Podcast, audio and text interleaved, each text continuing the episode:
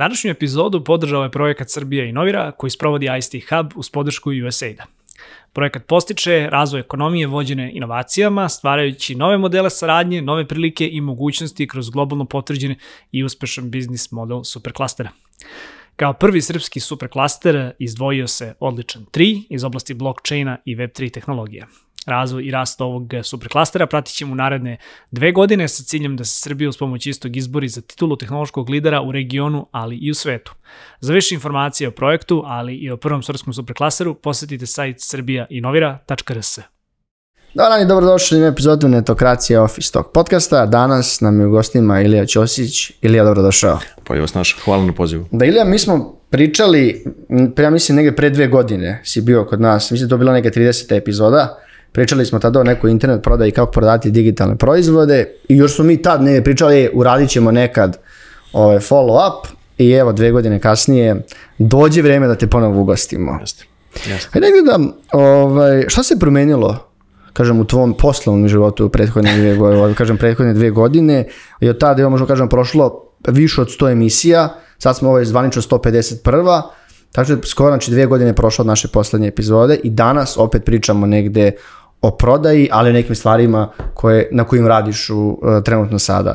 Hajde, znači, uh, na čemu sada sve radiš, šta se promenilo u prethodne dvije godine? Pre svega hvala ti puno na pozivu još jednom i hvala ti na inicijalnom pozivu jer si mi popovo čeri sa gostovanjem u podcastu. Ma zvuča malo čudno, ali ne veze. Oprosti. Ovaj, u principu ono što je zanimljiva stvar koja se desila nakon tog gostovanja jeste da sam dobio poziv da radim u drugoj firmi u Content Distributionu nakon gostovanja baš u tvom podcastu. Uh -huh. I, ovaj, I generalno tamo sam bio nekih 6-7 meseci sve do momenta dok me naš zajednički prijatelj Petko nije pozvao da vodim jedan novi projekat u okviru Adria Media grupe koji se zove Iskustva i preporuke. Tako da dosta stvari se promenilo, jednostavno ovo su, što bi Galeb rekao, neke poprilično formativne godine uh -huh. za mene i jednostavno idemo jako po pitanju ono, generalnog odnosa prema poslu, rasta odgovornosti prema samom poslu i jednostavno organizaciji i vremena i generalnog samog rada. Ali rekao si formativne godine, ali sad bi naš Gary Vee ili neki tip poznati, što rekao, pa ti možeš u 20 da grešiš koliko god hoćeš. Imaš još da guraš i znaš, ono, tek kad dođu 30 i kasnije, onda bi već trebao nešto da se opredeliš čime bi želiš da se baviš i slično. Ti si takođe e, vrlo često i bio si, e, radio si neke community događaje, neke projekte, konferencije, ali imaš vremena uopšte se trenutno da se baviš sada tim? Sad si ti pokrenuli jedan brand konferencija, ali tako? Jeste, da. pokrenuli smo, ali smo nakon prve godine naravno ga ugasili. Uh -huh. A, što se tiče tih stvari što si rekao za formativne godine, tu se ja slažem poprilično sa filozofijom za koju se zalaže Jack Ma, koji uh -huh. je izložio e, da se karijera treba da se posmatra u dekadama i da od 20 do 30 treba da se isproba o, veliki broj stvari, od 30 do 40 da se postane profesionalac u tome, uh -huh. od 40 do 50 da se baviš da se monetizuje maksimalno to tvoje znanje i iskustvo, a od 50 da počneš da se baviš edukacijom drugih i mlađih ljudi, da prepustiš njima da rade te stvari. Meni se ta filozofija poprilično svidala i upravo zbog toga, pošto sam 3-4 godine pre nego što sam došao u uh, Adria Media grupu, uh, sam radio isključivo na B2B SaaS proizvodima, znači na kom, na proizvodima koji su jednostavno za globalno tržište i koji su, uh, koji su iz biznis, i biznis ka biznisu i bili su startupi. Uh -huh. Ja sam odlučio da se prebacim da uradim potpuni, potpunu promenu i da se prebacim u korporaciju za domaće tržište i, za, i da radim na proizvode koje je B2C. Jer jednostavno sam se vodio logikom daj da vidim do 30. godine da se isproba baš sve i svašta. A što se tiče eventova i generalno tih stvari, tu je standardno ispomoć ekipi iz IEB Srbije za organizaciju Digital Day-a i jednostavno pored toga ništa spektakularno dodatno nismo radili, a što se tiče Reflecta, mi smo samo to počeli, videli smo kako je hteli smo napravimo uh, online konferenciju, naravno online konferencije, znaš sam kakve su, jednostavno da. ne može da se... Ne može, taj networking je apsolutno najbitniji deo konferencije. Apsolutno. Znaš koliko ljudi dođe na događaj, on uzme, registruje se, sluša dva predavanja i onda on završava neke stvari, sjedi sa ljudima, druži se. To je jedna najbitnijih stvari. A pomenuo si Ovaj, pomenuo si tu filozofiju uh, Jack Ma, vidio, si vidio onaj sad uh, tweet da je kao nešto bio u Beogradu?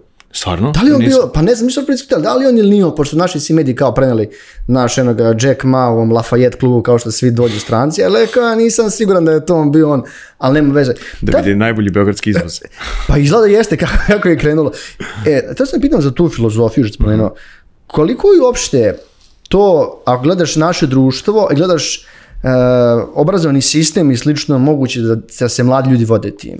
Pa moguće je zato što nema nikakvih dodirnih tačaka to sa obrazovnim sistemom, to je samo pitanje tvoje neke filozofije i pogleda na posao i pogleda na tvoj život kao takav. Svako prolazi kroz određene životne segmente, bili oni u poslovnom smislu, bili oni u, u neposlovnom smislu. Tako da jednostavno može to da se primeni, samo što mislim da ljudi jednostavno nemaju svest ka tim stvarima. Da. Imao neke određene stvari koje su okej da se rade do 30. godine, neke stvari nisu okej da se rade posle.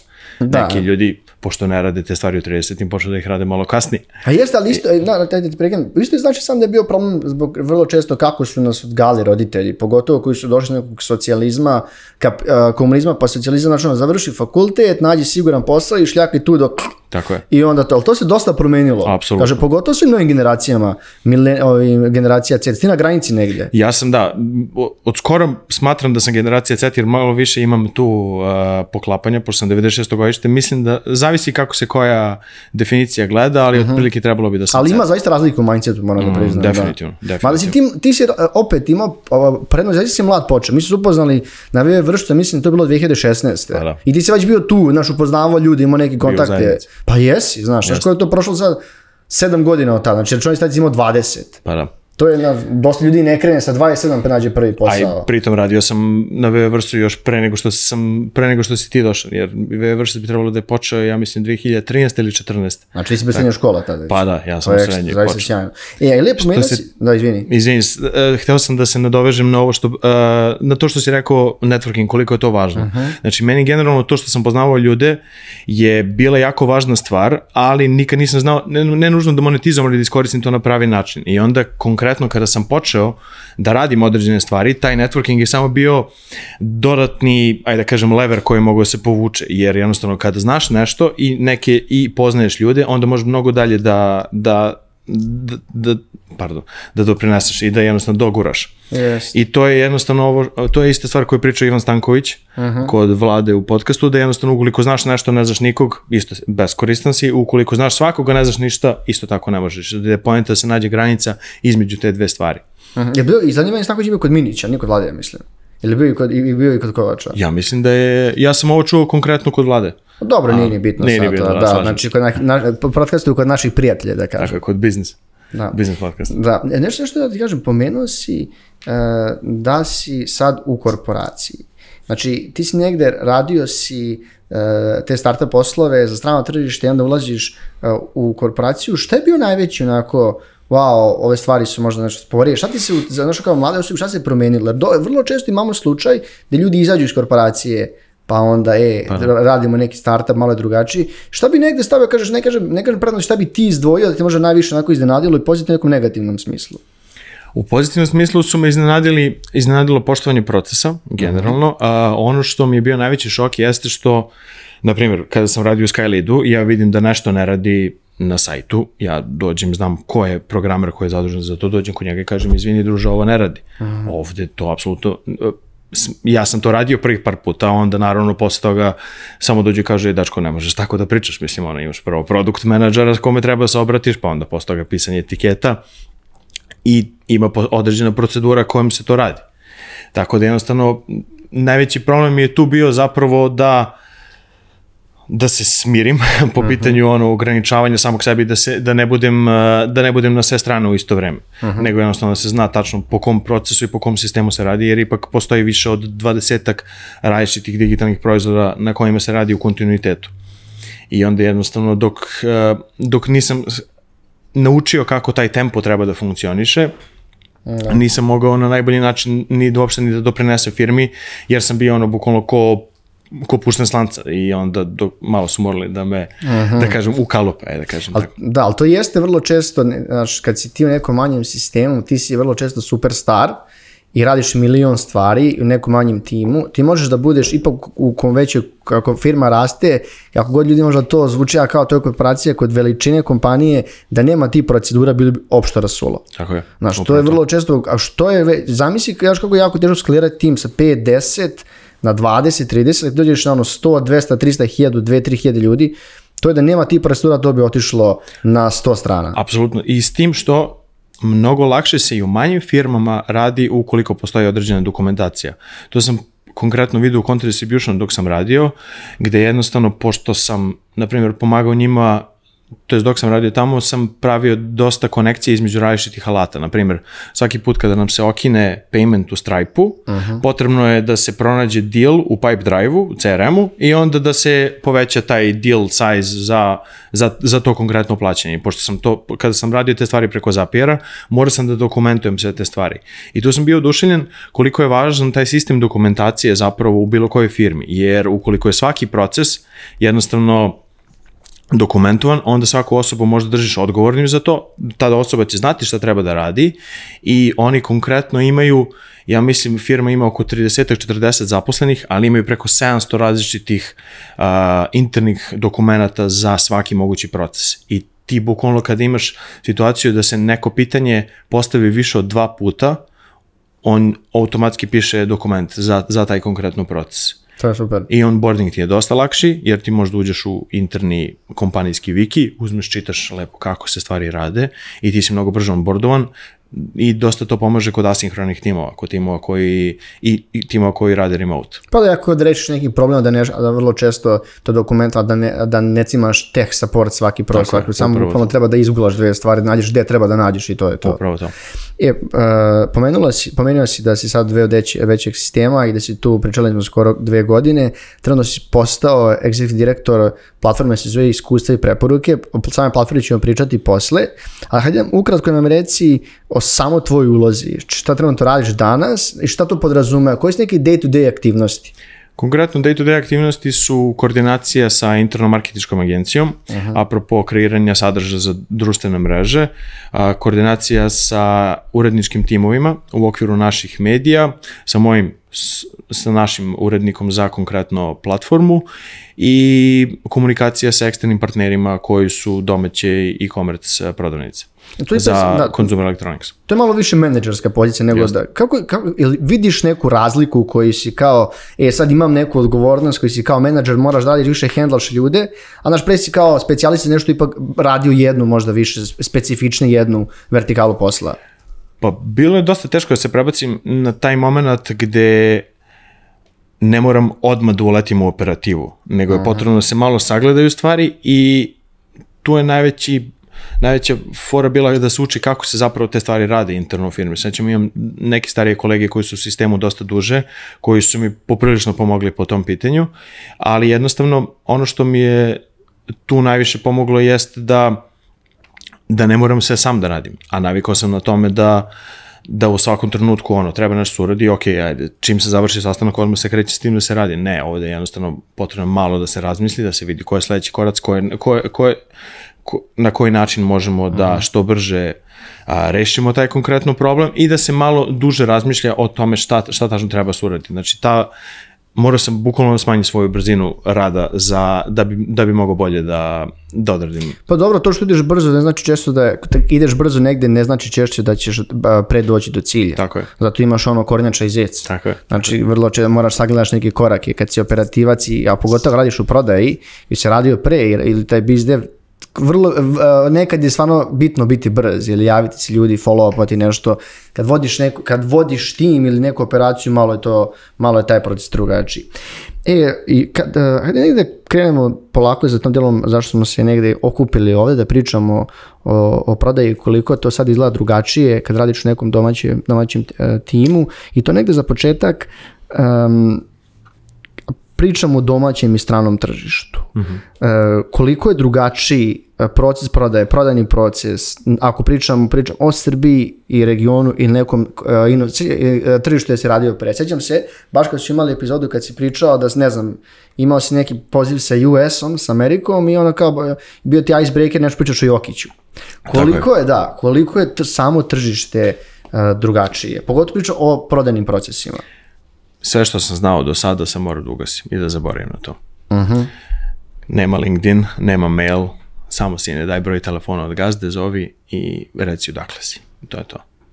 Skroz je drugačije. Skroz. Znači sve, pro, sve načine prodaje koje sam imao automatizuj, personalizuj, menjaj fotku na LinkedInu, ništa ne prolazi. Samo broj telefona, dobar dan, dobar dan, ja sam taj i taj odavde i odavde. Dobro, to je, to je ok, to opet, da ne kažem, nije, nije cold calling klasičan, Jest. a dobro, opet imaš ne, neko na kome se, na koga se pozivaš. Ko, je li teže? Je li ti bilo, je li ti bilo neobično na početku? Bilo je jako neobično, da. Bukvalno sam, kažete, znači, bilo mi je jako teško da zapravo zaboravim sve te stare metode koje sam ja imao. Znači, nema uopšte, kao što si ranije imao, lupam, moraš da nađeš mail od vlasnika firme. Jeste. I to je standardni parametar, ono, ime, tačka, prezime, ime firme. Nema toga. Pogađaš pa ako ga uvodiš. Nema ni ono ime, tačka, et ime firme. Nema toga. Nego, nego imaju dva maila i to je to. Znači imaš info mail i office mail i to je to otprilike. Isto, I njima šalju verovatno veli, istu količinu tih marketinških mailova i drugih prodajnih mailova, neki, da li da kažem konkurencije ili neki ljudi koji doslovno stvari prodaju. Znači ovdje je varijanta, imaš čoveka koji ima broj telefona od tog vlasnika firme, pa zove idi preko njega. Za ove neke veće sisteme smo radili prodaju kroz neki lični networking na tim, na konkretnim događajima i onda tu ideš tako juriš te neke ve- veće glave po, fir, po konferencijama, ali o tom potom. Ali ti, ali ti bilo zanimljivo? Jest, jest. Da, a ako jednostavno u B2B kad si radio, prodajni proces tre, možda traje jako dugo, jer ovdje bar ide brže. Ovdje ide brže, da. Pogotovo što mi ovdje smo konkretno imali ponudu koju redko kad može se odbije. Mi smo u fazonu bili ljudi, ajde da vam ulistamo cene, prvih par meseci će biti bez plaćanja, jednostavno niko neće da odbije besplatan akvizicioni kanal. Da, to jeste tačno, to si u pravu. A koliko, a, ok, ka, oni kad vi završavate prodaju, koliko te često, gde, gde vas puštaju dalje? Jer to neki marketing, sales, Pa zavisi od tipa firme, iskreno, najviše sam, najviše marketing ekipa, zato što oni na kraju dana gledaju analitiku i gledaju kako, koliko koji traffic source donosi love, što je na kraju dana najvažnija stvar. još jedna stvar o samom, o samoj prodaji. E, radio si, da li si, da, da li si s prodajom rađe ili se uči? Da li je prodajna neka, e, ja ću da naučim da se bavim prodajom. I ko što si pomenuo, vrlo često kad zoveš telefonom, jesi imao neki skript, ono kad prvi put zoveš telefonom, Yes. e, šta da kažem, ja sam taj i taj, bilo kao ja ću da freestylujem, pa kako ispadne. Nisam hteo da freestylujem, ali sam hteo da se vodim nekim metodama koje su koje su popularne u Americi. Na primjer, da, da kada, na primjer, zoveš nekog, onda je potrebno da mu postaviš neko pitanje koje će njega da zaintrigira. Prvih pet poziva, ništa. Znači, bukvalno ljudi su u fazonu kao, dečko, šta, šta me pitaš ti sad ovde? Onda, kad sam sedao pričao s Petkom, ja mu rekao kao, ovo mi je script, aj mi pomozi, ne prolazi, kaže on. Dobro, ti si Ilija Ćosić, ovo obriši skroz i šta kao, šta stavim? Zovem ispred Adria Media Grupe, verovatno znate za neki od naših medijskih znanja, poput Monda, Kurira, Saso Mangija. I onda, pošto su dobar deo tih firmi je sarađivao sa Saso Mangijom, onda svi oni dođu, aha, Saso Mangi da, kao radili smo s njima, i onda se kreće u komunikaciju sa njima. To je bukvalno neki testimonijal odmah. Pa da, to je, da, da, otprilike. Da, to je, možete to je reći da je social proof, Da, social, social proof, proof bolje rečeno, social da. proof. I onda jednostavno kada sam kada jednostavno ono, kažeš čiji si, odakle si, mnogo bolje se prolazi. Tako da, Da, tako je naše tržište, jednostavno ne misli da ono mu prodaješ kirbi ili ostale stvari i važno je, najvažnija stvar je da nije ono, dobar dan, ja sam taj, taj i ostalo, nego jednostavno, halo, Da. Halo, čao, zdravo. dobar dan, kako ste i to je to. Znači, Super. Ali to kad pogledaš, kad, e, mi koji, ako, e, to se ne dešava često, kad radiš, zašto pričam, ne dešava se često kad radiš na inostranom tržištu. Pa radio si dosta, ono, ti pošalješ 10 mailova, posle petog možda nekad dobi, dobiješ nekad odgovore, tako. razumeš. Najbolja stvar je da dobiješ odgovor uopšte. Da. ti 90, zavisi, 90% mailova ne dobiješ odgovora nikad. Al- ti si zapravo srećan kada dobiješ ne, nisam zainteresovan. Da. A što se tiče tvog inicijalnog dela pitanja da li se rađa s prodajom? To je jako dobro pitanje i iskreno ne znam. A, meni je najviše za prodaju pomoglo to što sam imao stroge roditelje. I onda, pošto sam imao stroge roditelje, morao sam prilikom, na primjer, muvanja njih da izađem u grad tokom ono, osnovne i srednje škole, ja sam morao u glavi da imam algoritamski način razmišljanja šta će oni da kažu u kom trenutku da bih ja mogu da poklopim, jer nekoliko puta ono, oni tebe postaje pod pitanje, ti ne znaš šta ćeš dalje, ne prođe. I onda jednostavno meni je to meni to najviše pomoglo da da unapred imam viđenje šta bi potencijalni bili objectioni ljudi kojima se prodaje nešto. Što se tiče nekih tih najvažnijih skillova koji su potrebni za jednog prodavca, empatija i aktivno slušanje. Znači da ti stvarno razumeš i njegov biznis, ali i njega lično, koji njemu konkretno benefit ima i šta ćeš ti njemu da pomogneš u okviru njegove firme da se on bolje pokaže i da on ima bolje rezultate. Priča, ajde da pričam malo o tome, i empatiji, aktivno slušaju. Aktivno slušaju, kad negdje učiš neke prve prodane korake, oni ti vrlo često neki priručni, kad će neko kaže većina je da 80% uh, on priča, ti slušaš. To donekle, da, ti, da, da bi ti trebao da vodiš razgovor. Da imaš neke stvari koje ga potpituješ kako on, kako on vodi razgovor. Kako, kako dođemo da znamo da vodimo dobar razgovor? Znaš, šta, da li imaš neka, ne znam, pet pitanja koje treba da postaviš ili nešto nekom čovjeku koji mogu da bude univerzalna, da kažem? Pazi, meni je naj, najbolje pitanje koje sam postavljao za vođenje razgovora bilo, na primjer, dok sam radio u Skyleadu, ljudi su bukirali sami pozive i to su uglavnom ljudi koji su dolazili inbound ili kroz, na primjer, neke plaćene oglase. Uh Ono što je nama tu naj, najbolje pitanje bilo jeste koja se promena trenutno dešava u firmi da je vama potrebno naše rešenje. Jer je to poprilično, da kažem, open-ended pitanje koje može dosta da ti objasni i o samim njihovim procesima i nije pitanje koje može da se završi sa da ili ne nego jednostavno on ti kaže, e, nemamo više toliku količinu lidova koje dolazimo, potrebno nam je da zatvorimo XY dilova i to ti onda zapravo i nauči koliko, gde su, gde su oni kao firma sada. Uh -huh. Mislim da je dosta dobro pitanje, dosta dobra stvar, E, kad vidiš razgovor, što si malo prepomenuo, da ti, ti si tu kad prodaješ nešto da njima bude bolje. Tako je. Znaš, nije ti ja prodajem svoj proizvod i tu, tu prodao sam meni neka kinta pojenta je da oni stvarno vide da taj proizvod što prodaješ radi. I, i meni je, meni, zato ja generalno, jako je teško, kažem, biti, ne kažem biti teško i prodavac, ali ako prodaješ dobar proizvod koji stvarno ima efekt, onda je to lako. Tako je. Znaš, ako ti kao, ja ne mogu da prodam, kao šta prodajete? Zato je važno da imaš i ti veru u proizvod, ali i da proizvod sam taj jednostavno ima rezona, pogotovo za tu osobu koju se obraćaš. Da, a pričao si o empatiji, možemo da je razvijemo? Ili kao ti se opet, znaš ono kao, opet, to je ipak pitanje, da li se imaš od empatiju od rođenja ili negdje kao razvijaš je vremenom? Uf, iskreno. I to, i to isto, i nemam, to isto nemam, znaš. Nemam dovoljno, nemam dovoljno psihoterapije ispod sebe da bi, da bi mogao da ti kažem odgovor na to pitanje. Iskreno mislim da se to razvija, da se to razvija vremenom i da što je čovjek stariji to veću količinu empatije ima. Pa to jeste, kad si mlad, vrlo često te ne zanima ništa da ne zanima, znaš. Kao ma, nema već, sutra ću nešto da radim, treći i slično. I ja sam ovdje stavio, znači, bukvalno pitanje ide da li je lakše doći do lida i za kaj znak uh, ovaj, radu sa domaćim klijentima i koliko su bitne preporuke, ali to su negdje nekle donekle ovaj... Bitne su iskustva. Da, da, da, da. to smo donekle i rekli sad.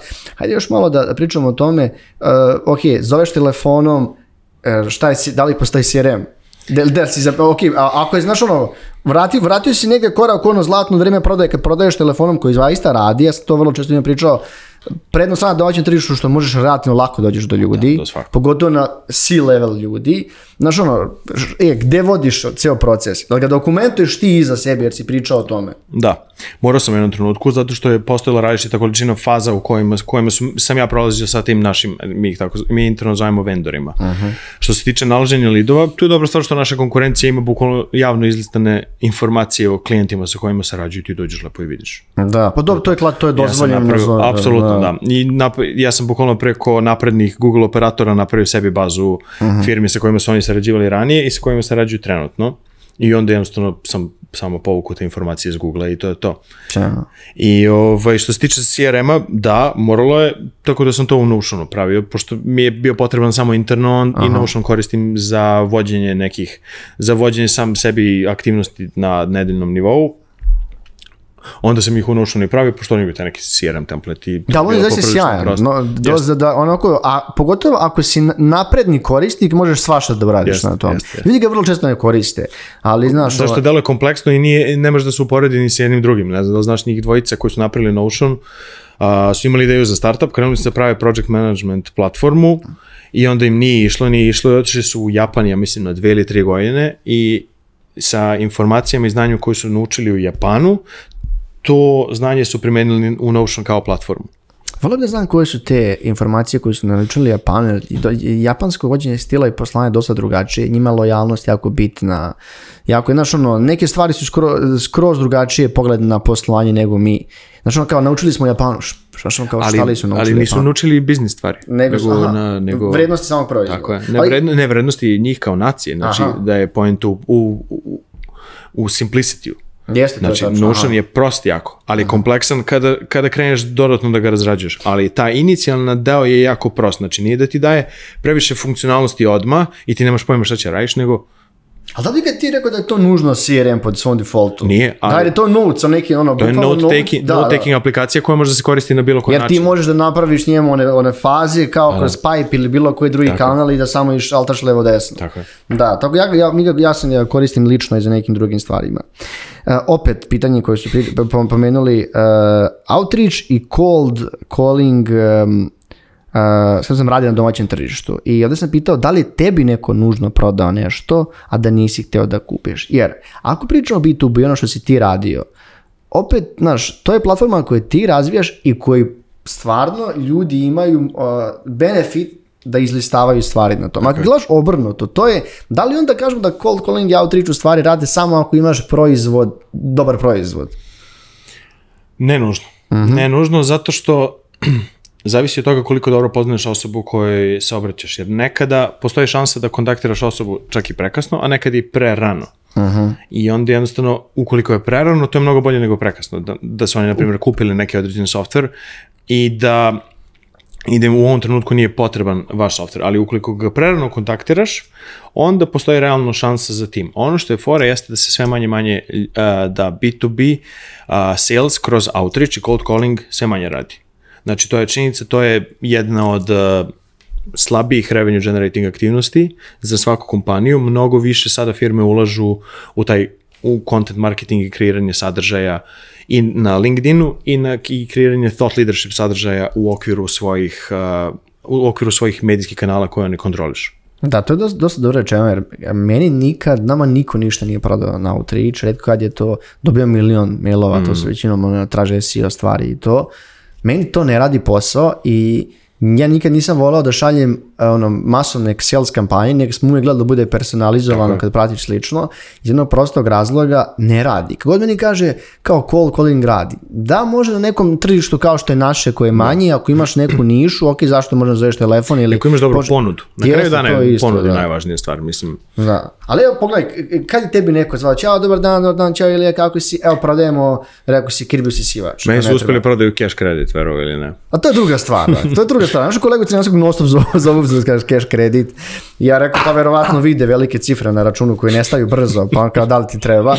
Ali, ovaj, dobro, to je opet neka druga stvar, treba ti je cash u tom trenutku. To nije klasičan proizvod, moram A, i nisam cold, jer sam već njihov klijent. Pa jeste, oni imaju sve informacije, tebi vide koliko trošiš. Tako e kao, aha, da ima de ili šta, šta mu treba, da. Možda mu treba za nešto na exitu, znaš, tamo se dosta troši. On kao, ajde, evo ti pare za exit. E, pričali smo o LinkedInu tad, jer si ba radio za Sky Lead i LinkedIn je bio dominantan kanal prodaje u tom trenutku. E, da li je dalje dominantan kanal prodaje? E, koliko je tebi bitan danas? I jel, jel imaš osjećaj da je ga generički kontent propastio? Bar dnevno iskustvo korištenja LinkedIna, ne komunikaciju, traženje klijenata, to, ali to korisničko iskustvo da ti upijaš informacije iz te platforme. Meni generalno nije još uvek prešlo na, na, na tu ogromnu količinu ge, a, generičkog kontenta. Meni se zapravo ja se vodim logikom kakav ti je feed, takav ti je život, jednostavno. Da, ukoliko ti neki ljudi ne odgovaraju, njihov sadržaj ti ne odgovara, samo hajdeš ili blokiraš te ljude i društvene mreže kao takve, pošto im je cilj da te zapravo zadrže što više, one neće jednostavno, one neće ti pružati više uopšte takav sadržaj. Tako da sa druge strane mislim da ista stvar je primenjiva za LinkedIn. Ono što je sada situacija jeste da dobar deo a, ajde kažem influencera i ljudi koji su kreatori sadržaja mnogo više ulažu u pisanje tekstualnog sadržaja, ali taj tekstualni sadržaj se koristi kao neka vrsta a, da kažem content pilara, gde jednostavno od jednog blog, blog posta može da nastane jedan ceo Twitter thread. Sad može da nastane i thread na threadu isto. A, takođe taj jedan, ukoliko taj jedan blog post ima pet nekih podnaslova u sebi, pet ključnih zaključaka, to možda bude i pet različitih LinkedIn objava. Tih pet različitih LinkedIn objava možda bude Instagram Reel, možda bude TikTok, možda bude YouTube Shorts. Tako da u principu mislim da ljudi koriste LinkedIn sada sve, sve, sve više i više kao još jedan dodatan distributivni kanal. Da. Nekima je prioritet, naravno, neki sadržaj koji prolazi na Instagramu neće proći na LinkedInu, ali generalno u tom biznis svetu samo je pitanje primene, a, modifikacije tog sadržaja shodno platformi na kojoj se piše. Da, da slažem s tobom. I za Thought Leadership postave i dalje, ako pričamo o, i dalje najbolja platforma. Jeste, slažem Da. se. Pored, pored bloga, zato što, a, pored generalno sadržaja na sajtu, zato što dobar deo ljudi koristi a, svoje naloge na društvenim mrežama kao neku vrstu top of funnela, gde je jednostavno, gde ti a, zapravo koristiš sa- taj sadržaj da bi ljudi došli na tvoj LinkedIn profil, na primjer. I onda kad dođe na LinkedIn profil, to to optimizuju na način kao što se optimizuju landing stranice.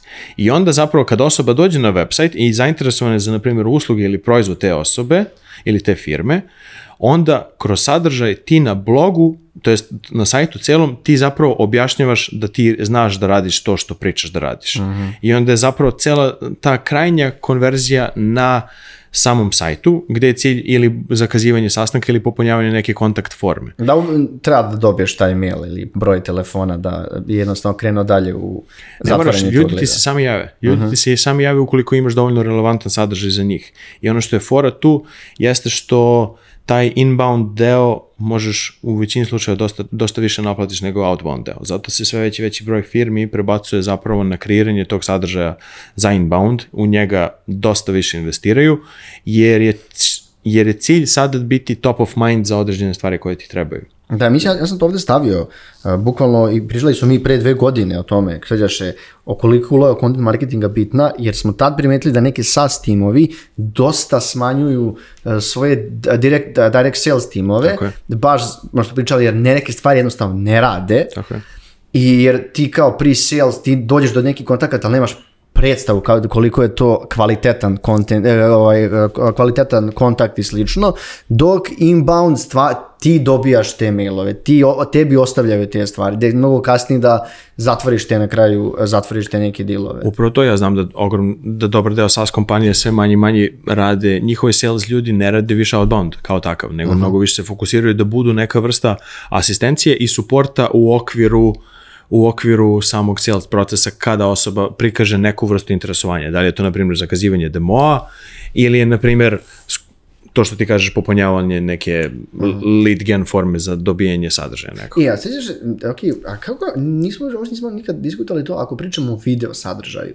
Koliko generalno, ajde možemo pričamo i o software kompanijama, e, pratiš, svi znamo da si do, dosta aktivan, e, kod, radi video sadržaj, ono klasičan neki, neki video sadržaj, a da nije, znaš, ono, kratak e, promo, promo da, ovaj, od 30 sekundi je često animiran, ili slično o nekom proizvodu. Radi neki video, u SAS-u, da li radi video, video sadržaj stvari? Video sadržaj možda radi jako dobro kroz podcast. Zato što može da te pozicionira kao eksperta za tu, za tu oblast i da ti razumeš zapravo taj pain point tvojih, tvojih kupaca. Sa druge strane, ukoliko, na primjer, ti si SaaS kompanija koja ima svoj podcast, možeš često da da svoje klijente, to jest svoje korisnike, promovišeš kroz taj video podcast. Da, kroz taj su- podcast. Da, dobro, Tako to su da- već e, ono, content, e, kanali kontenta koji možda korikažen sadržaja, koji ti kao brand možeš da stvaraš. Tako je, nad kojima ti imaš vlasništvo. Da, ono što je, na primjer, sada zanimljiva stvar jeste to što se desilo, desio se a, taj switch za koje ljude koji,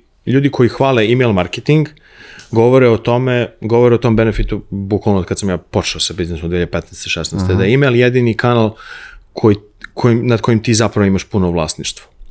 To pričamo o svom blogu ili svojom O, kreaciji. o svom newsletteru, na primjer. Da. da generalno content kreatori danas sve više i više kreiraju sadržaje za sve društvene mreže, ali je cela pojenta da se sipa taj sadržaj u newsletter, jer zašto ti onda zapravo imaš svoju bazu, imaš taj first party data, koje, gde je zapravo ti si vlasnik nad tim podacima i ti imaš direktan kontakt do svojih zainteresovanih kupaca. Da, a neki mediji su, ono, po Americi, to kod, na, kod nas ne postoji samo newsletter mediji, bar zvanično, do Ameri, Ameri, u Ameriji ubijaju, mislim, Morning Brew ubija, sad oni imaju 10, 10 vrsta ovog tipa, kako se zove, različitih newslettera, imaju i sami sam videosi da imaju sad i morning show i podcaste i sve slično, ali e, to je dobra stvar, pomeni si 2015. Ime, I e, jedno vreme blog, da kažem, bio umro. Ne, kompanije su neke prestale da pišu svoje blogove jer kao imamo sve svoje kanale. Znači samo da je tako, bilo. I to je donekle došlo zbog te uh, ubrzanog rasta uh, društvenih mreža. Znaš, šta se sve dešavalo, Instagram, Facebook, Twitter, LinkedIn, kao zašto bi bili ako i mi ono, mi već, ne znam, XY godina kao pričamo, imajte vi svoj sajt, svoj sadržaj, to bude centralno mesto, može da, kao što ti pomenuo, da se ide sad malo više u tom, uh, u tom smeru. Jer opet, ti si owner tih podataka, a ne Elon koji ono, Apsolutno. viš, da se ne lažemo, kao Twitter radi. Mi vidimo neke stvari da rade. To što su u minusu XY, što nema ono pun đavo nekih stvari koji si pre mogao, pogotovo u oglašivačkom smislu i slično, ali nema veze. Bitno je da, i da, i, ono, i upropastili su. Znači ima sad nimi više for you, imam for you i vesti koje ne želim da čitam to, razumeš? Da. Tako da, Ne znam, generalno ja sam, ja sam slab sam sa Twitterom, pa ti si e, generacija C, vama to nije Pa da, interesantno, da, razumeš? pisani sadržaj. Što se tiče bloga, to što si pomenuo, shvatili su jednostavno ljudi da najveća količina intenta i dalje je na Google. Da ljudi neće kupe B2B software tako što vide klip na Instagramu. Da. Ali će da kupe B2B software tako što će da izgoogla kako da spojim s, a, svoju platformu za slanje faktura sa mojim CRM-om. Da. I onda kada to izgoogla, onda mu izađe tekst, o, na primjer o Zapieru i tako nekim sličnim alatima. I onda su se posle toga polako vratili na organic i na content. Da. E, ja sam, mi smo ovdje malo, kad pričamo još o prodaji, e, još bi- bitne stvari, e, formiranje tih nekih prodajnih timova. Koliko si imao do sada prilike da radiš kroz Skylead, kroz sad, kroz sad novu kompaniju, koliko si imao prilike da možda zapošljavaš nekog za sales ili da jednostavno onboarduješ nekog novog? Kako uopšte, a iz nekog strane uzela, kako bi ti, oko čega bi formirao prodajni tim? Da li je to oko proizvoda, oko tržišta, neki miks? Ono što je meni najlepša stvar koja mi se desila do sad skoro u karijeri jeste to da prva osoba koju sam doveo u Skylead kao prodavac, kao prodavca je bio Relja. Relja je sada CEO Skyleada. Što je jednostavno vrlo im- impresivna stvar, pogotovo što je moje godište čovjek i sada vodi jedan od uspešnijih startupa na domaćem tržištu. A, što se tiče formiranja tima, tu sam generalno mišljenja da je mnogo bolje, da je najbolja varijanta da imaš dva klinca koje će da grizu, ali da imaš jednog industrija eksperta. Znači jednu osobu koja zapravo zna tržište i zna osobu kojim, kojoj se prodaje tog svog idealnog ICP-a. I da ta osoba onda vodi celu priču i, i da, a da ova dvojica rade operativu ili dvoje. Kažem da hasluju. Tako je, tako je. E, kako da ljudi, ti ljudi u salesu ne pregore? Iz jednog prostog razloga, sales je dosta stresan, baš vrlo često jer se plata formira, znaš i sam, oko nekog fiksnog dela i bonusa, znaš, kako da jednostavno ljudi ne pregore? Šta se dešava ako mi ne ispunimo bonus, ne znam, neki, one targete koji su nam za, zadati? neka izučavaju malo stoicizam i neka budu ok sa bilo kojim vrstom ishoda koji će da se desi. Jer ukoliko si ok sa, ti, sa bilo kakvom vrstom ishoda, mnogo manje ćeš biti napadan. Mnogo više ćeš moći svom klijentu da se prezentuješ kao osoba koja je tu da mu pomogne, da mu život i posao bude lakši. I onda ćeš mnogo manje odbijenja dobijeti. Da, to je dosta dobar savjet, ali to kad primetiš, evo, možda ti rekao, bukvalno primetiš kod, kod sebe kroz ovih 7-8 godina, uh, to ti evoluira kako si stari, jer prodaja je vrlo često dobijanje ne. Tako je. No, Najviše voliš kad dobiješ ne. Da. Na, jer, jer ti, to si ti sve igrao nekad ne velikih brojeva, ti pošalješ 100 mailova, dobiješ, ne znam, uh, 20 povratnih odgovora, od toga dva, 20... To su odlične da, statistike. da, dajem ti 10, zakaže sastanak, ono, peti se ne javi posle prvog maila, zatvoriš tri, to si reći, ako si, znaš, spreman i razumeš da je to taj proces, to je super, razumeš. Tako je. To je, to je filozofija od uh, Josh Brown, tako se zove tip, koga pratim na LinkedInu već duže vreme, gde je njegov cilj zapravo taj detach from the outcome. Jer ti onda, ukoliko dođeš i kažeš, izvini, kako rešavaš taj taj problem, on ti kaže tako i tako, dobro, mi možemo pomognemo s tim i tim, zato što smo radili to za te i te. I daš mu odmah social proof, ti mu kažeš, možemo ti pomognemo, jel si zainteresovan da popričamo samo. I to je to. Nekim laganim tempom, laganim hodom. Što se tiče pregorevanja, tu sve zavisi od, nje, od sobstvene, a, sobstvenog odnosa prema poslu. Znači, dobro je, imaš dobro je, si ambiciozan, ali pojente je da, da ne utiče to toliko na psihu. Da, znači to pitam jer kao opet ako gledamo novije generacije, mislim da imaju, imaju zaista drugačiji pristup poslu i nekim stvarima. Znaš, neke, neke sam video, sam baš video sam komentar uh, neke devojke koje ona kao ne možeš drži, mora da otkaz, a nije naš novi posao. I sad, naš Tragedija. mileni, ovaj, kako se zove, Gen Z, kao, ok, nenormalna Lagano, stvar, da. sad ljudi kao, ne, ne, ne, to se tako ne radi. Tako je. Mislim, ra- radi se, u tom- kako si osjećaš u tom trenutku, tako treba da bude.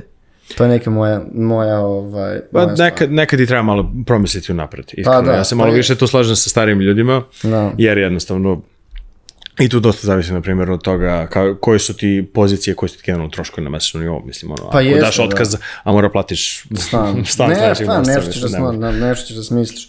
E, hajde malo pričamo o samoj platformi, jer smo negde sva, samo o, o salesu koji smo pričali vezani baš za sam proizvod. E, Šta ste razvijali, tačnije čemu si radio ove prethodne dve godine, pričanjem, uh, pričamo malo o platformi i onda ćemo da neke stvari koje smo pričali o salesu povežemo kroz to. Bukvalno na svemu. Znači, od, na svemu, osim na sadržaju koji se nalazi na našem blogu. A, mene je Petko doveo u firmu tako što mi je rekao, meni je potreban vozač koji će da podigne ovaj sajt od 0 do 1. I jednostavno, najveći deo vremena je odlazio na komunikaciju sa programerima, da se modifikuje naš postojeći CMS koji služi za medijske sajtove, origami, da se on modifikuje shodno tome, shodno platformi kao što je naša. Naša platforma je mnogo sličnija standardnom e-commerce sajtu nego medijskoj platformi. Tako da je onda bilo poprilično izazovno da se zapravo izmeni cijela ta pozadina da bi mogli da se, da bi, da bi moglo taj sajt zapravo da radi na taj način kako radi. Sa druge strane, pravljenje baze podataka. Na sajtu trenutno ima oko preko 9000 proizvoda, svaki od tih proizvoda sam ja sam u Excelu peglao tako što smo skupljali informacije o proizvodima trenutno koji su ponudi na, na tržištu. Kako je došla ideja, moram da kažem, e, i pomenuo si konkurente, šta, kada su uopšte konkurenti platform, vaše platforme? Ostale price comparison platforme na tržištu. Da, a i, ako pričam o samom ostavljanju recenzija, neke proizvode, kakvi, smo, kakvi su Srbi što tiče toga? Jer mi, mi smo fazonu, ako je nešto ok, nećemo možda da pohvalimo, ako je nešto loš, e, ta, to je to, ima da ga ishitimo za sve pare. Pazi, meni je cilj da bude mnogo više negativnih recenzija nego pozitivnih. Zato što će to dati mnogo veću autentičnost platformi kao takvoj. Mi znamo zasigurno da neke firme u Srbiji imaju targete za pisanje recenzija na svojim stranicama proizvoda. Gde Znači, prodavci fir- da. moraju, Aha. gde prodavci moraju da pišu recenzije za određene proizvode koje prodaju u okviru svojih sajtova koji su prodani sajtovi, koji su e-commerce sajtovi. Da. Tako da nama je cilj zapravo da se napravi platforma stvarno od poverenja. Glavni tagline nam je pr- prave preporuke pravih ljudi. I jednostavno, dosta je kompleksni sistem moderacije samih recenzija. Potrebno je da osoba potvrdi da ima iskustvo sa proizvodom i onda je potrebno da se prođe kroz, kroz ceo taj sistem moderacije do, do prihvatanja te recenzije. Da, komentari na takvim platformama vrlo često znaju, to jeste često zna da bude pro, problem, ne samo na, na iskustvima, nego i znači na a, sajtovima za zapošljenje. Tako je. Ti znaš situaciju da oni kao, neko je postavio komentar, nije radio u toj kompaniji. Tako je. Da. Koliko si pomenuo, koliko imate recenzija sada zvanično? Poslovna tajna. A, poslovna tajna, aha. I još jedna stvar, koliko, koliko je bilo iteracije sajta dok ste došli do toga? Ne puno, iskreno. Ne puno, imali smo sam taj generalni nacrt od samog početka, ali je bilo dosta iteracija po pitanju samih funkcionalnosti koje će biti zapravo sada i koje će biti sada za lansiranje i onda za koji su sledeći koraci sa dalje. Aha. E, ajde sad da povežemo to što radio prodaju o, o to proizvod. Znači, neki tvoj zadatak je bio da kažeš ljudima, to jest prodavcima, da oni mogu da se izlistaju svoje proizvode kod vas na platformi. To je opet, kažem, ako je to, ins- e, kak, ok, i većinom su bili, rekao si, pozitivni ishodi, pozitivne reakcije. Tako je. Šta misliš, zamisli zbog čega je to? Zato što je kao, nemaš tako, nemaš takvo sređenih proizvoda, našem proizvodu ili... Pa mislim da ono što je sigurno jeste da su ljudi verovali da ćemo mi za kratko vreme da dosta saobraćaja dobijemo na samoj platformi. Zato što ipak Adria Media Grupa je firma koja ima najveću količinu posta na mesečnom nivou a, po Gemiusu, jel te? ovaj, I u principu znali su da će to vrlo brzo da poraste na neki određeni nivo i da je dobro da se s nama okrenu od samog početka. A, što se tiče nekih tu prodajnih stvari, ja sam od samog početka uveo još dva ili tri dodatna načina monetizacije platforme koji uopšte nisu bili ni isplanirani ranije. Tako da je tu bilo dosta posla i sa programerima da se to uopšte a, zatraži, modifikuje i da se implementira tako neko rešenje. Da oni su više medijski razmišljali, ako Tako je, pričamo da. o tome. Da. Tako je, nisi, nisi toliko puno razmišljao o monetizaciji, a ja, jel te, pošto dolazimo ono, iz biznisa, bio sam u fazonu da, da vidimo da se napravi što više različitih revenue streamova, da bismo zapravo imali šta i da prodajemo. Da ne bude ono standardno prodajem ti, prodam ti baner i to je to. A, k- e, je li sad kad razmišljam, m, e, ako pričamo o nekom proizvodu, bio sam, e, neću sam tačno, ako sam ulazio na sajt, i ja kad kliknem neki proizvod imam linkove koje me vodi iz tog proizvoda, znači vidim, mož, mogu da stavim link to ka tom proizvodu, nisam opis proizvoda. Ne Nisam izvini. Ne, to sad kažem, kako izgleda, na primjer, ako pričamo o nekom telefonu, i uđem, ne znam, iPhone 13, ja kao prodavac imam mogućnost da stavim, ne znam, neki link ka, e, ka svom shopu. Mi uvozimo njihove cene kroz strukturirane XML fajlove po našim Ok. specifikacijama. Ok, to mi je bilo Tako da oni nama daju pristup njihovoj bazi preko tog XML-a i onda mi za proizvode koje mi imamo u ponudi mapiramo njihove cene. A, na kraju, e, nisi na kraju, ako pogledaš sam proces, šta tebi bio najveći izazov? A šta je bilo kao ovo što nisi očekivao? Ovo je drugačije, ti sad baš gradiš neki proizvod, ne samo sales, nego sve procese kroz to, kao što si pričao.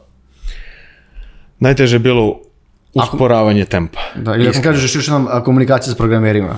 Nije, nije, nije komunikacija s programerima, stvarno su sjajni momci koji rade uh, i devojke naravno. Uh, usporavanje tempa i shvatanje koje deo posla je moj deo posla zapravo, koji deo posla je nešto što je u okviru moje koordinacije kao takve. I najteži deo, je, jedno od najtežih delova je pravljenje baze bilo definitivno, zato što je nama unikatni parametar za svaki proizvod, bar kod tog proizvoda. I onda treba da se napravi baza shodno, shodno EAN kodovima. Ti tako imate kod 9000 proizvoda. u- Tako je, oko 9300. I to je malo, nažalost, danas nije malo ručno da se radi svaki. Da, to je dosta Ne pešačkog posla, moram da Ne priznam. možeš da veruješ koliko. Da. Bukvalno sam ono postao mag za Google Sheets, samo zbog, samo zbog pravljenja Ali te, te stvari ne mogu da se automatizuju, neko stvarno mora da ih ubaci na kraju dana. Neke stvari mogu, neke stvari ne mogu. Da. Neke stvari mogu se rešiti skripovanjem, neke stvari mogu se rešiti, na primjer, sa boljim korišćenjem Google Sheetsa, neke stvari sam čak i peglao i kroz chat GPT. Da, jel ti pomagao? Jeste. A i si probao ovaj Bard? Malo mi djeluje gluplja verzija trenutno četiri Čekam, priče. čekam da priđi, da dođe u Srbiju, on još uvijek ovdje nije došao. Ne, ne, došao je, pre dve sedmice, da, bila je vijest u fazonu, tako da je možda pričaš na srpskom sad. I sve to, da, da, da, ali ovaj, je, izgleda malo onako trenutno zaostalija verzija ChatGPT-a, za sada je bar tako. Sreće to iz Google sigurno. Pa, sigurno hoće. E, došli smo do kraja i kako bi ti, e, a kako bi ti, ako pričamo o nekoj sales literaturi, podcastu, ličnosti koje treba pratimo, jer ti si negde poznat kao osoba, kažem, koja je generalno uh, prati dosta stvari i podcasta i sluša. Ima neki, imaš nekog ko bi izdvojio, ko trenutno slušaš? Od početka ove godine mnogo više sam se fokusirao, ranije sam dosta slušao Rogana, ali od početka ove godine najviše sam se fokusirao na Chris Williamsona iz Modern Wisdoma. Poprilično su zanimljive teme, gosti koje ima i jednostavno neki mentalni modele koje sam naučio kroz njegov podcast od kad sam počeo da ih primenjujem, drastično mi je život lakši. A, što se tiče salesa, ispao sam malo iz toga, moram da priznam, tako da bi i dalje opet ljudima preporučio a, Jeff Browna, koga sam pomenuo malo pre za Detach from the Outcome. On je jedan od najboljih ljudi što se tiče salesa generalno. A, Ross, samo sekund, a, Ross Simmons iz Foundation Inc. za sve stvari vezane oko marketinga, pogotovo za B2B SaaS. I ono što si ti malo prepomenuo za medijske kompanije, a, za newslettere i amerikance, postoji neka relativno nova medijska firma koja se zove Workweek, koja je bukvalno napravljena tako što imaš jednu osobu koja je jedan newsletter u okviru cele medijske firme. Tako da bi njih preporučio, konkretno Daniel, Daniel Mareja i Ari u okviru, u okviru, u okviru njihove Znači svaka osoba je newslet jedan. Tako je, svaka osoba je mali brand za sebe, a oni su zapravo skupina brendova. Da, to uopšte nije Work loše, Week. da, to jako simpatično zvuči. Mogli biste istu stvar vi da napravite, šta fali. Da, pa, ali mi imamo drugu stvar, mi smo imali da svako od nas šalje sedmično, svaki sedmično neko drugi šalje newsletter. A pa eto. Da ne, neka slična fora nisu imali kao četiri, Mhm. ali bilo je pet, nego je svake sedmice šalje neko novi. Ovi ima otprilike nekih oko 8 ili 9 različitih, uh, Autora. različitih, da, različitih autora. Iz različitih oblasti, znači neki su down to D2C marketing, jedan je sales, drugi je go to, go to strategy, to je go to market, tako da ima ih različitih neki To, da, te, to su dobre stvari, jer ti dozvoljavaju da pratiš ono što te zanima. Tako je. I ličnost koja te zanima i oblast koja te zanima. Ne moraš da se preplatiš ne znam, ono generalni medijski newsletter, nego bukvalno pratiš autora koji tebe zanima. Tako je, i ono što sam, da, potpuno sam uh, za, za te momke zaboravio, želeo bih da svima predložim da počnu da prate Andreja Zinkevića i Stefana Blagojevića iz uh, ne mogu sad, sad tačno kako im se zove firma, ali u principu ono što oni pričaju trenutno je nov način kako će se raditi prodaja, da, da će se prodaja raditi kroz taj account-based marketing, sve više i više u budućnosti. Ajmo malo pričamo o tome, objasni mi šta to znači, ako kaže account-based marketing i prodaje. Account-based marketing je zapravo umesto što se fokusiraš na veći broj ljudi, tebi je cilj da ti sales funnel ne izgleda standard, kao standardni funnel, Levak, nego da. ti izgleda kao obrnuti levak. Gdje je tebi mnogo veći fokus na što boljem identifikovanju ICP-eva svojih, koji će, o kojima ćeš bukvalno sve znati, o njihovim pain pointima, gde, oni, gde su oni sada, gde oni treba da budu. Koji je, a, ko su ljudi koji odlučuju o kupovini i onda tu u okviru toga imaš pet različitih tipova ljudi. Znači, to je mnogo dublji način rezonovanja iza, iza samog tog sales procesa, gde ti kada targetiraš te ljude sa pravim uh, sadržajem i sa pravom porukom, onda jednostavno kada ti počneš njih da edukuješ dodatno svojim sadržajem, pošto tu zapravo nije, nije samo standardni sales kao uh, sales u, u direktnom kontaktu, nego jednostavno Znaš, kontakt, pa onda imaš gomilu podržavajućeg sadržaja koji ide, na primjer, kroz tvoj, eh, kroz tvoj email, kroz LinkedIn, kroz tvoje ostale eh, platforme, gde jednostavno ljudi kada kupe, onda zapravo postanu i, i advokati tog tvog brenda. mhm, da, I da. onda si ti zapravo obrnuo ceo sales funnel da si počeo od 50 ljudi, ali onda tih 50 ljudi koje si kontaktirao, na kraju možda ti napravi mnogo veću količinu posla, jer oni su oduševljeni time što ti radiš i onda automatski te preporučuju dalje.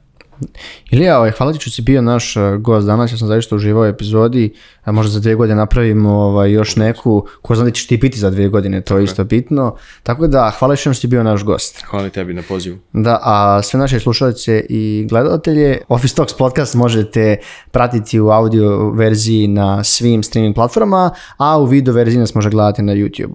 Pozdrav! Hvala što ste ostali sa nama do kraja. Podsećamo današnju epizodu podržao je projekat Srbija Inovira koji sprovodi ICT Hub uz podršku USAID-a. Projekat postiče razvoj ekonomije vođen inovacijama, stvarajući nove modele saradnje, nove prilike i mogućnosti kroz globalno potvrđen i uspešan biznis model superklastera. Za više informacije o projektu, ali i o prvom srpskom superklasteru, posjetite sajt srbijainovira.rs.